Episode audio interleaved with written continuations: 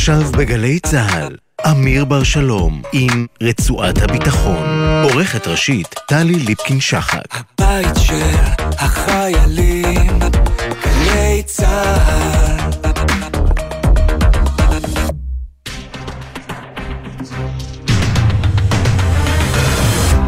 שלום לכם, רצועת הביטחון של יום רביעי בשבוע. בישראל מסכמים שבוע שבו כל ראשי מערכת הביטחון שיגרו מסרים לאיראן. למי מופנים המסרים הללו ולמה דווקא עכשיו? אנחנו נעסוק בעניין הזה מיד עם דני סיטרינוביץ', לשעבר ראש ענף איראן בחטיבת המחקר. אבל עוד קודם לכן, יהיה איתנו כאן תת-אלוף יוסי קרדי, קצין הקשר הראשי שיחשוף עד כמה היה אה, חיל הקשר והתקשוב מעורב במאמץ המבצעי האחרון ברצועת עזה. טיזר, צפו להפתעות בעניין הזה. ונסיים עם הדוקטור מיכל יערי על סעודיה, ששולחת השבוע צמד אסטרונאוטים לחלל, גבר ואישה. רצועת הביטחון, אנחנו מתחילים. שלום וערב טוב לתת-אלוף יוסי קרדי, קצין הקשר והתקשוב הראשי.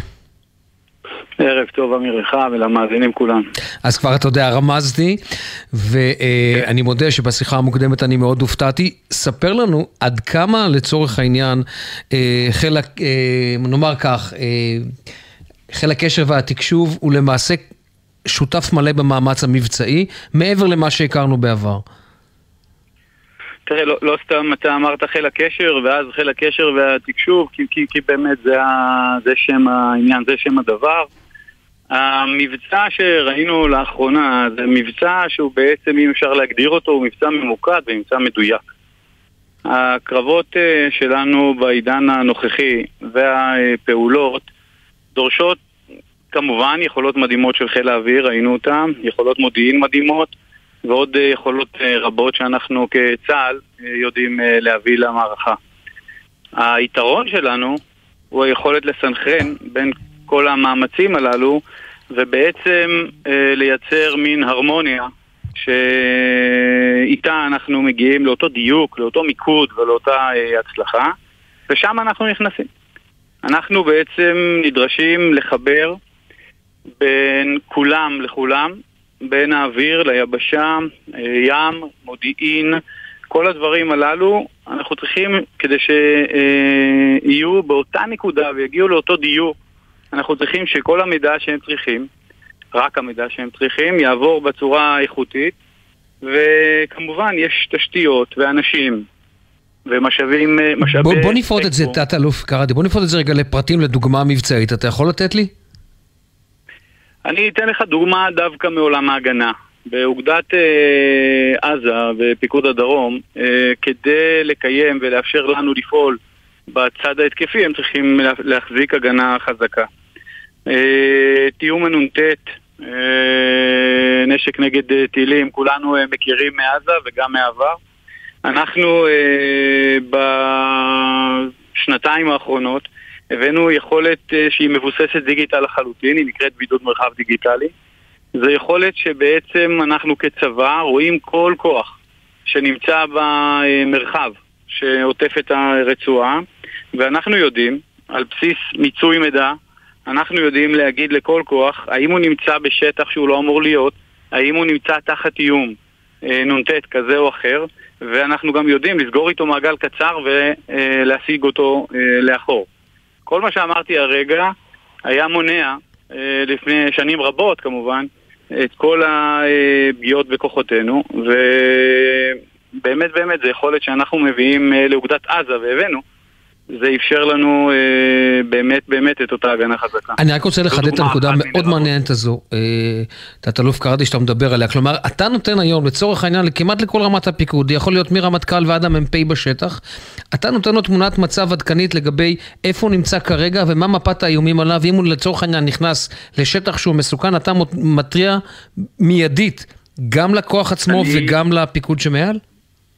בדיוק כך. בדיוק כך, אני, אה, אה, אם אתה עכשיו תסתובב עם האמצעי שלך במרחב ותהיה אזור תחת סכנה, אז אני אדאג שאתה תקבל את ההתראה הזו, וכמובן אותם אה, חמ"לים ומפקדי גזרה שערים וצריכים לדעת להשיג את הכוחות הללו לאחור, או כמובן לעשות פעולה אחרת. והכל בזמן אמת, בשניות. והכל, הכל בלייב, הכל בזמן אמת. אני יכול להגיד לך שאנחנו כל הזמן גם משפרים ומשתפרים ביכולות, גם של הדיוק, גם של הזמנים. אה, זה בעצם חלק מאותו קצב של אותה מהפכה דיגיטלית, כן. אחד הדברים שאתה אה, מוביל כרגע אה, נקרא פרויקט ספקטרום. עכשיו, כשאני שמעתי על זה, אני מודה שאני הופתעתי והרמתי גבה.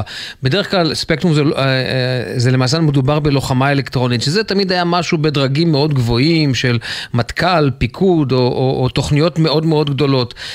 אתה הולך להוריד את זה ממש לרמה שהיא רמה טקטית? עד רמת השטח, שלצורך העניין גורם בשטח, קצין בשטח, יכול להגיד עכשיו אני רוצה לא טיל, לא מסוק, לא מטוס, לא ירי טנק, אלא לוחמה אלקטרונית? כן, זה חלק מתוכנית רחבה שבעצם המטרה שלה זה להביא את העוצמות של צה"ל לקצה המבצעי. זו תוכנית שאנחנו... קצה המבצעי, רק נאמר, אתה יודע, למאזינים, אתה אומר למ"פ בשטח, לצורך העניין, המ"פ כן. או המ"מ שנמצא כן. כרגע בתוך רצועת עזה או בלבנון או בכל מקום אחר. אתה מדייק, כן, ואנחנו רוצים שאת אותן יכולות uh, מדהימות שיש לנו, uh, ראינו אותן במבצע שרגע דיברנו, שוחחנו עליו, אנחנו רוצים להצ... להצליח להביא למ"פ בקצה, לא משנה באיזה גזרה, את אותן uh, יכולות.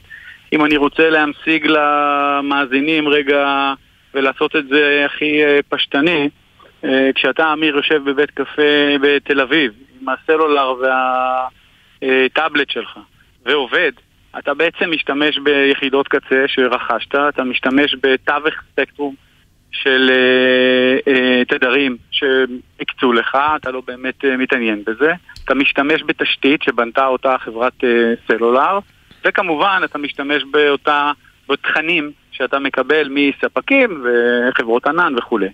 אז עכשיו תדמיין את אותו מ"פ שנמצא בעומק לבנון, אין שם תשתית, אין שם חברות אזרחיות, ואני נדרש אה, אה, לאפשר לאותו אה, מ"פ לקבל שוב את כל הדאטה העשיר, המדויק, הנכון, על בסיס תווך אלקטרומגנטי כזה או אחר, ובעוצמות, אה, בואו נקרא לזה מדויקות, למול מה שהוא נדרש.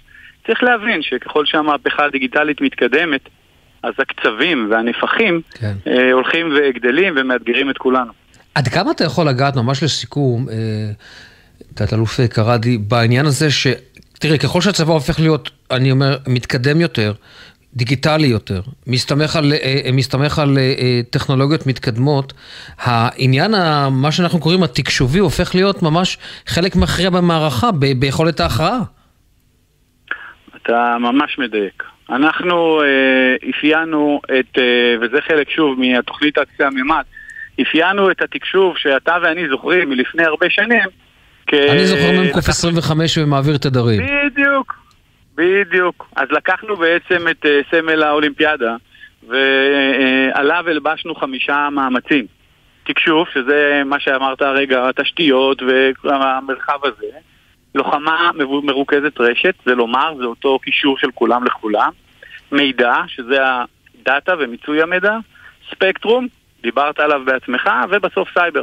אותם חמישה מרכיבים חייבים להיות, בדיוק כמו החישוקים של סמל האולימפיאדה, מסונכרנים יחד כדי לאפשר את, אותה, את אותו ניצחון במערכה. צריך לזכור שכשם שאנחנו מתפתחים, גם האויב מתפתח.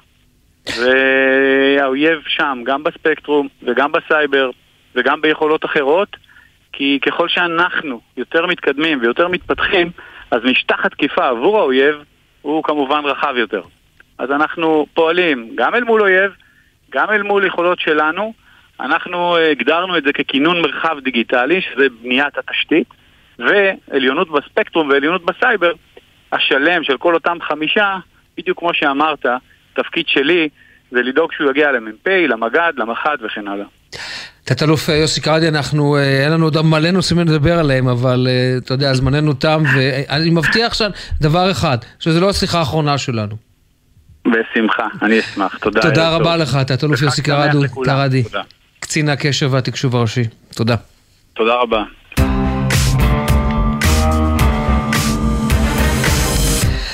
עכשיו אנחנו אה, רוצים אה, להמשיך לעניין האיראני השבוע הזה, כשמענו את אה, ראש אמ"ן, רמטכ"ל, שר ביטחון, כולם מדברים בהקשר האיראני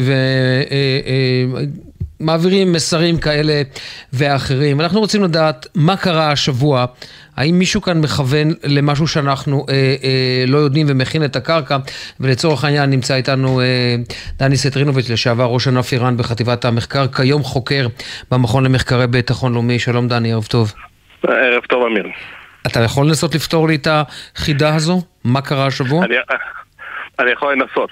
אה, קודם כל צריך להגיד שבאמת היה כנס הרצליה והביאו אה, לא מעט גורמים שדיברו על ההקשר האיראני, אז אני חושב שזה יצר לא מעט כותרות, אבל אני חושב שצריך לשים את הדברים בפרופורציה ראויה. אין ספק שהמטרה של ישראל היא להרתיע את איראן מלחצות את הקו בין הגרעין האזרחי לגרעין הצבאי, אבל אני חושב שצריך לשים לב דווקא לדברים שראש אמ"ן אמר לגבי הפעילות או אי הפעילות בתחום הגרעין הצבאי באיראן, באופן שמבאר לנו בסופו של דבר את העניין. כלומר, איראן בהחלט מתקדמת בתחום ההשערה, זה גם מעלה סימן שאלה לגבי החשיבה מאחורי היציאה מהסכם הגרעין, שאנחנו מבינים שהיום הוא הסכם היה מאוד משמעותי גלגול היכולות האיראניות לאחור, אבל איראן התקדמה משמעותית לאחר היציאה האמריקאית מהסכם הגרעין, אבל עדיין היא במרחב האזרחי של התוכנית, של התוכנית שלה. כלומר, בסופו של דבר כדי לייצר פצצה, כמו שאנחנו יודעים, לא מספיק רק החומר הבקיע, אלא צריך בסופו של דבר את אותה קבוצת נשק ייעודית, שוקעת את החומר הבקיע ובונה את המתקן הגרעיני, ולפי הדברים של ראש אמ"ן שגם מתחברים לדברים של גורמי מודיעין האמריקאים רק לפני מספר חודשים, די ברור שאיראן לא שם, ולכן גם אם ההנהגה האיראנית תקבל את ההחלטה לייצר פצצה, היא רחוקה חודשים רבים. אז בשורה התחתונה המצב באמת מטריד, אבל uh, לא צריך להיכנס להיסטריה.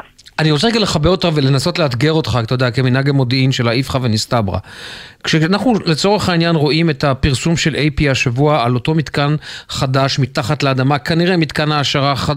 שאמור להיות חסין מכל הפצצה האמריקנית, האם לא לצורך העניין, אתה כאיש מודיעין אומר, רק רגע, איראן מייצרת לה כאן מרחב חסינות, אולי בדיוק כדי להגיע כמה שיותר מהר, נסתר ומוגן לאותו, לקבוצת הנשק, לאותו שלב של צוואר בקבוק שבו היא מקבצת את כל מרכיבי הגרעין לכדי פצצה אחת. אה, קודם כל, שאלה מצוינת, כי בסופו של דבר נשאלת השאלה למה איראן בכלל בונה את המתקנים הללו.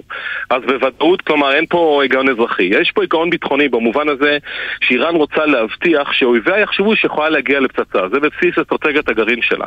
אבל איראן נזהרת מאוד שלא לחצות את הרוביקון. אחרי 2003 מנהיג איראן הבין שהמחיר שהוא ישלם על חציית הרוביקון בהקשר הצבאי הגרעיני יהיה חמור וחסר תקדים ויסכן את הרפובליקה האסלאמית. למה היא בונה את אותם מתקנים? את אותו מתקן, דרך אגב, שכבר אה, עובדת היותו מתקן מתקן גרעיני אה, עמוק באדמה כבר פורסמה כבר לפני שנה. היא, היא מאוד מאוד חוששת מתקיפה ישראלית או אמריקאית, היא רוצה לבצר את עצמה, לייצר לה מרחב חסינות כזה או אחר שבסופו של דבר יאפשר לה להמשיך להפעיל את המתקנים גם לאור האיומים אה, של ישראל או ארה"ב בהקשר הזה. לגבי קבוצת הנשק, בוא נגיד ככה, אם איראן תבנה קבוצת קשק, זה לא יהיה במתקני הגרעין. כלומר, קבוצת הנשק ביודעין היא נעשית במחשכים, זה משהו שאיראן לא יכולה לאפשר לפקחי סבא כמובן לבקר, ולכן המתקן התת קרקעי בנתנז הוא איננו מעיד על רצונה של איראן בפצצה, הוא בהחלט מעיד על רצונה של איראן לבצר את התוכנית ולהמשיך אותה קדימה. וזה, אמיר, זה נקודה מאוד חשובה במובן הזה שתוכנית הגרעין האיראנית היא מה שנצטרך להתמודד איתו לעתיד הנראה לעין. כלומר, בסופו של דבר, לא משנה מי יהיה בהנהגת איראן, מי יבוא אחרי חמינאי, התוכנית הזאת היא מקור לעוצמה ולגאווה של הרפובליקה האסלאמית, ולכן זה משהו שאנחנו צריכים לחיות איתו לעתיד, ואנחנו צריכים לחשוב מה הדרך הנכונה ביותר, מה המדיניות הנכונה ביותר, לאו דווקא רק איומים, אולי גם היבטים כלכליים, מדיניים כאלה ואחרים, שיוכלו למנוע מאיראן להתקדם לעבר אה, השערת 90% ובוודאי לא לפצצה. כמי שעוקב אחרי העניין האיראני, ואנחנו מבינים שההצהרות האלה באות, כמו שאמרת בתחילת דבריך, להרתיע. האם יכול להיות שהדברים האלה של ישראל, של כל שדרת הפיקוד הביטחונית, מופנים לאו דווקא רק כלפי איראן, אלא גם לכיוון וושינגטון, שעד היום, צריך לומר, תחת ביידן, לא העזה לומר אופציה צבאית? אין ספק שבסופו דבר המטרה של ישראל היא לא לפעול עצמאית מול איראן. הבעיה של איראן היא לא מדעי ישראלית, היא בעיה בינלאומית, גם בעיה אמריקאית.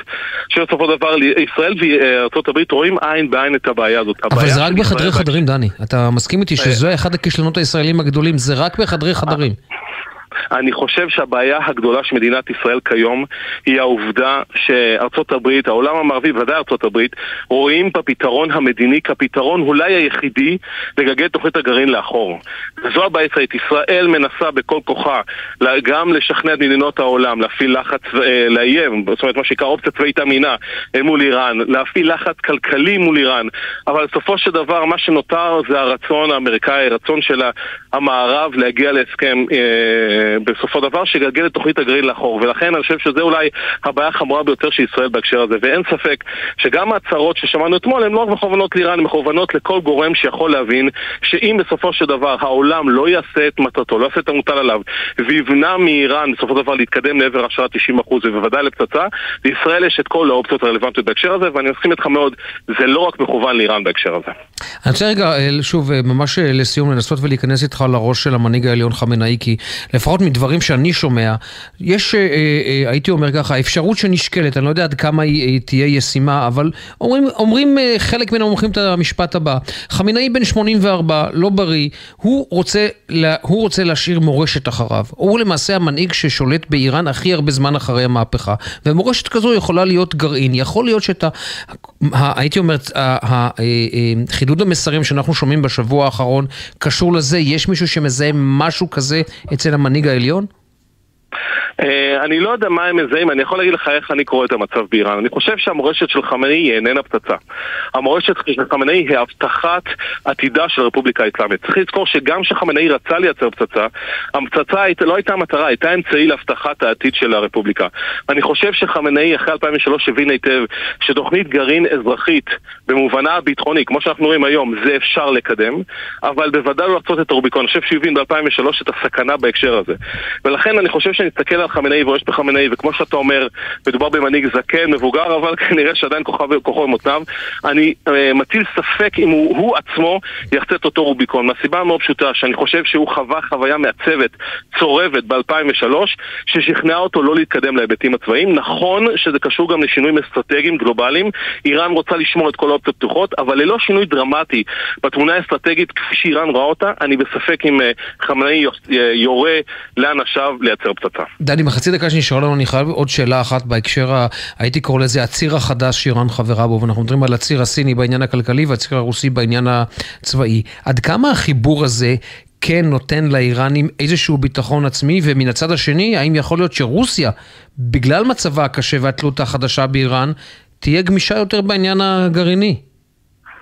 אני חושב שזה נותן גמישות במובן הזה שאיראן בסופו של דבר מהמרת מה שנקרא על המזרח. כלומר, היא נטשה את רעיונות רוחני להתקרב למערב, מהמרת על המזרח. אני חושב שזה אמור מאוד להטריד אותנו, בעיקר במערכת היחסים בין איראן לרוסיה במובנה הקונבנציונלי. אני לא חושב שרוסיה תיתן משהו בהיבט הגרעיני, כי אני חושב שפצצת גרעין בידי איראן היא לא אינטרס רוסי גם כיום. אבל אני כן חושב שאנחנו נראה התקדמות משמעותית בשת"פ הקונבנציונלי ביניהם. אנחנו כבר רואים את זה בתחום הכטב"מים, תחום הטילאות, תחום הסייבר, תחום החלל, ואני חושב שאנחנו צריכים להיות מאוד מוטרדים בהקשר הזה. בהקשר הסיני זה פחות צבאי, הרבה יותר מדיני, וזה מעניין לראות כי אנחנו רואים חדירה סינית עמוקה יותר למזרח התיכון, וזה משהו שבהחלט אנחנו חייבים לעקוב אחריו לקראת העתיד. דני סטרינוביץ', לשעבר ראש ענף איראן בחטיבת המחקר, כיום חוקר במכון למחקרי ביטחון לאומי. דני, תודה, ערב טוב. תודה רבה, תודה רבה, מגבר. טוב, תמיד מעניין לדבר על סעודיה, ותמיד מעניין לדבר על זה עם מיכל יערי, מומחית למדינות המפרץ הערביות מאוניברסיטת בן גוריון והאוניברסיטה הפתוחה, והערב הזה אנחנו נפתח את השיחה שלנו במשהו שהוא יחסית אופטימי. אסטרונאוטים סעודים בחלל זה לא דבר חדש, מה שכן חדש, אחת מהן היא אסטרונאוטית. שלום, דוקטור מיכל יערי. היי hey, אמיר, מה נשמע? אה, בסדר. אה, יש בזה מסר, נכון? בעניין הזה של אסטרונאוטית איראנית. זה קורה אצל MBS, זה אולי לא היה קורה אצל האב. דרך אגב, צריך גם לומר שזה קורה במקביל באיחוד האמירויות. אז בואו נדבר על המרוץ לחלל של מדינות המפרץ, ויש בו כמה היבטים מעניינים. קודם כל אנחנו מדברים על מדינות ששמו להם למטרה לקדם את פרויקט החלל והן שועטות קדימה בצורה שהיא באמת מעוררת השראה. ולא זו בלבד, בחוד החנית של המבצע הזה לכיבוש החלל עומדות נשים, גם במקרה האמירתי וגם במקרה הסעודי, ואני חושבת שהמסר פה הוא כפול, הוא לא רק מסר שהמדינות האלה שלא היו מזוהות עם טכנולוגיה, עם מדע, עם קדמה, עם החלל, המדינות האלה שהיו הרבה מאוד שנים מאחור בכל מה שקשור למושגים האלה, לא רק שהן עושות צעד מאוד משמעותי קדימה, מי שעושה את הצעד הזה עבורן הן הנשים. ולכן במובן הזה אנחנו רואים אה, גם במדינות המפרץ ובעיקר בסעודיה ובאיחוד האמירויות, נשים שהן באמת מעוררות השראה והתפעלות, נשים צעירות, נשים שבאות מתחומים מדעיים, והן הפנים החדשות של אותן מדינות שהסמל הגדול ביותר אולי שלהן עכשיו זה הטכנולוגיה, הקדמה והמדע. כן, אבל אפשר למתוח איזשהו, את יודעת, הייתי ככה אומר, קו מבדיל בין האמירויות לבין אה, ערב הסעודית.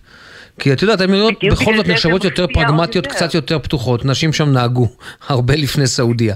ו-MBS לוקח את העניין הזה וכן שם אותו, הייתי אומר, בחלון הראווה שהוא רוצה, שכך סעודיה תצטייר בעולם.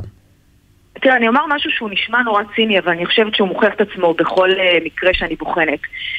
זכויות לא ניתנות לנשים בדרך כלל, בוודאי לא במקרה הערבי המפרצי, כי חושבים שכך זה נכון. יכול להיות שגם זו הסיבה, אבל בדרך כלל כשאני מזהה פריצת דרך בכל מה שקשור לזכויות נשים, זה בדרך כלל משום שזה משרת את השליט, זה משרת את המדינה, והרבה מאוד פעמים זה משרת את הכלכלה.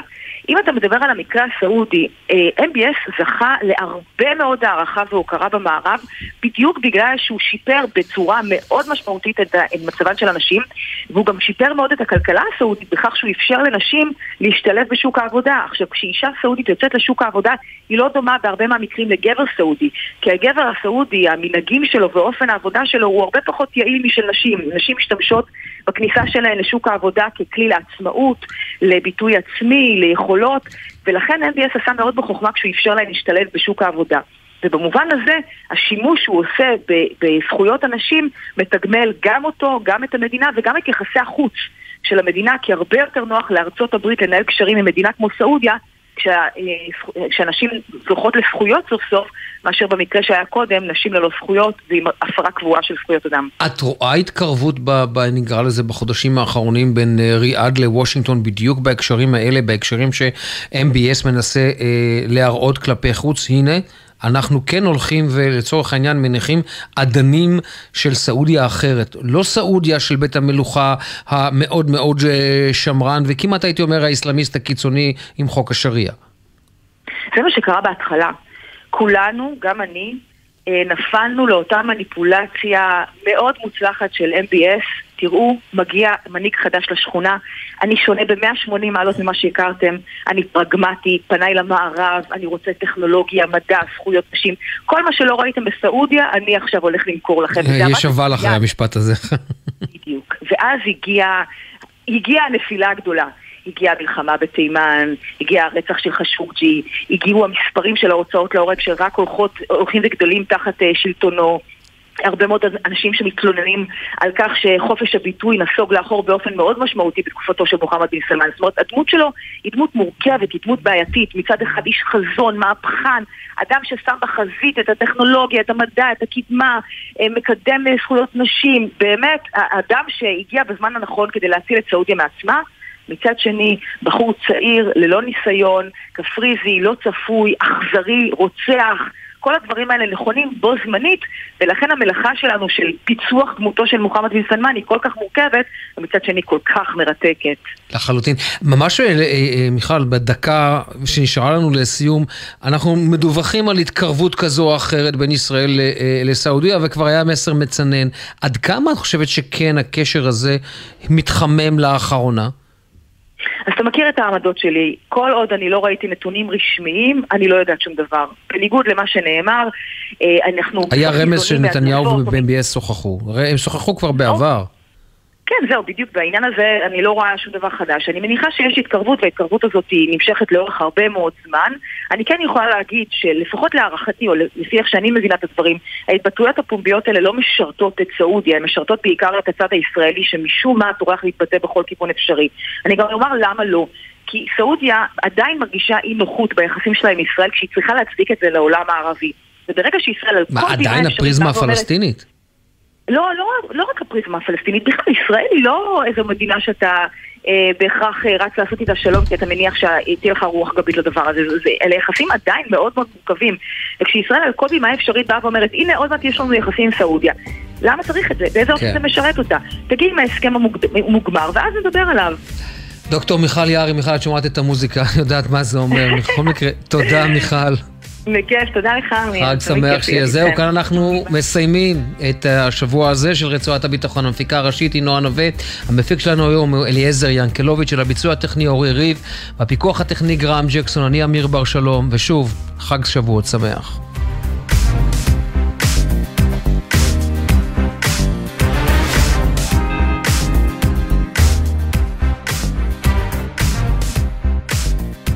בחסות כל מוביל, היבואנית הרשמית של יונדאי, מיצובישי, אורה, מרצדס וג'נסיס, המציעה מגוון מסלולי קנייה מותאמים אישית, לפרטים כוכבית 3862. בחסות אייס, המציעה לכם להיזכר כמה חם היה לכם בקיץ שעבר, ולהתארגן מראש על ציוד קיץ, כמו קטלן יתושים שבמבצע ב-59 שקלים. קיץ בייס. מה נשמע, נשמע, סוף השבוע, של החיילים.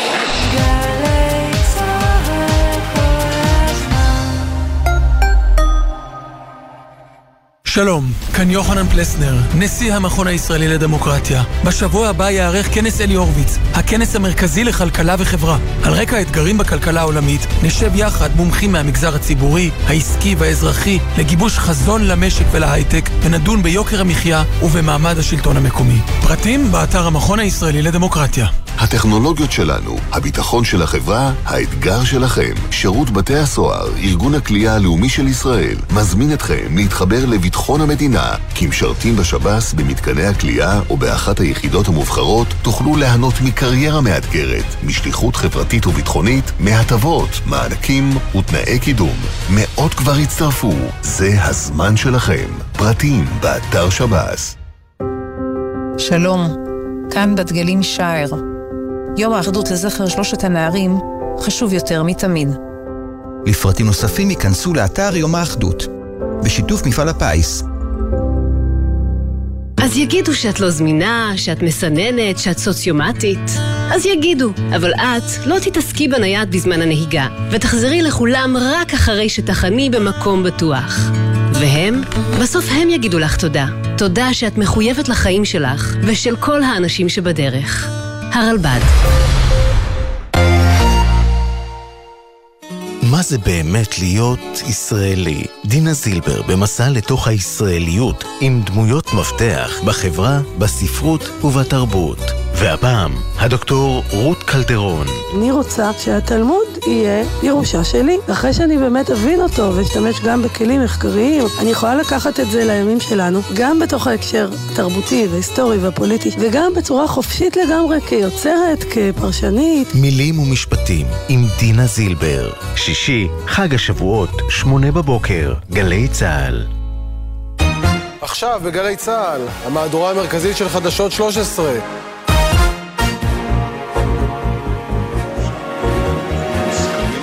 שישרתו את כל אזרחי ישראל. כן, אז בקטע הראשון ניתן היה לראות כאן מדבר רפורמה המשפטית חוזרת, ולאחר מכן הוא אני מרגיש צורך אה, להסביר את עצמו. ובכן, מה אומרים אה, אה, בסביבתו, ובכלל אה, בכירים בליכוד, שאין לו כוונה או רצון, גם לא רצון פוליטי, לחזור לה, אה, לעניין הזה עכשיו. תכף את תראי גם בסקר למה לא אמורה להיות לו מוטיבציה, ואפשר גם לחזור, לסק, גם לחזור לסקרי עבר, ולראות שמרגע שהוא זנח את העניין הזה, הוא בלם את ההיחלשות שלו והתחיל להתחזק, ולכן אין לו עניין כזה.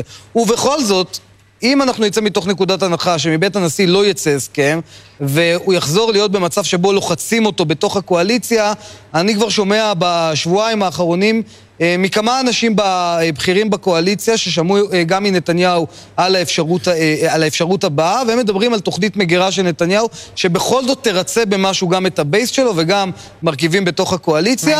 להחליף את נושא הרפורמה המשפטית, כלומר לשים בצד את אופן מינוי השופטים ולהתמקד במה שהם ישווקו כזכויות נאשמים, זכויות חשודים, קרי אה, רפורמה בפרקליטות ובמוסד ה, אה, אה, היועץ המשפטי לממשלה. שר המשפטים יקבל את זה? כמובן, א', אני לא יודע אם שר המשפטים יקבל את זה, אבל אני גם בטוח שהמחאה תקבל דבר כזה. זו רק תוכנית מגירה. יותר ממחשבה, אבל לא הרבה יותר מזה. אה, כלומר, נתניהו לא מוציא מכלל אפשרות שאנחנו נגיע לסוף המושב, הוא יתחיל להיות בלחץ פוליטי כבד, כי מבית הנשיא אולי לא תהיה פשרה, והציונות הדתית, יריב לוין, בן גביר ואחרים, ילחצו אותו בכל זאת לתת משהו. חבר הכנסת בני גנץ, תכף נדבר באריכות, אבל למה צחקקת? כי מאוד uh, שמחתי לראות שההצעה שלנו לקידום רפורמות אזרחיות עבור האזרחים, דרשנו אותה כסעיף שבכלל לא היה ברפורמה. אנחנו, המחנה הממלכתי, הבאנו את העניין הזה פנימה, אמרנו, לא יכול שאתם עוסקים רק בענייני ממשלה, כנסת ואיך נוח לה. אז אתה בעד תוכנית המגירה הזאת? בואו נעשה משהו לשירות האזרחים. ואם יש בזה בשורה, אז על הכיפאק אני מאוד שמח, כמובן שלא נוותר על העצמאות ועל העוצמה של בית המשפט, שהוא היסוד לכל דמוקרטיה איתנה. אנחנו נאריך אה, בזה עוד מעט, תודה בינתיים, ואחרי מרתון של הצבעות שנמשך כל הלילה כצפוי, תקציב המדינה אושר ברוב של 64 חברי כנסת של הקואליציה. מיד אחר כך, כאמור, הבטיח נתניהו שהמהפכה...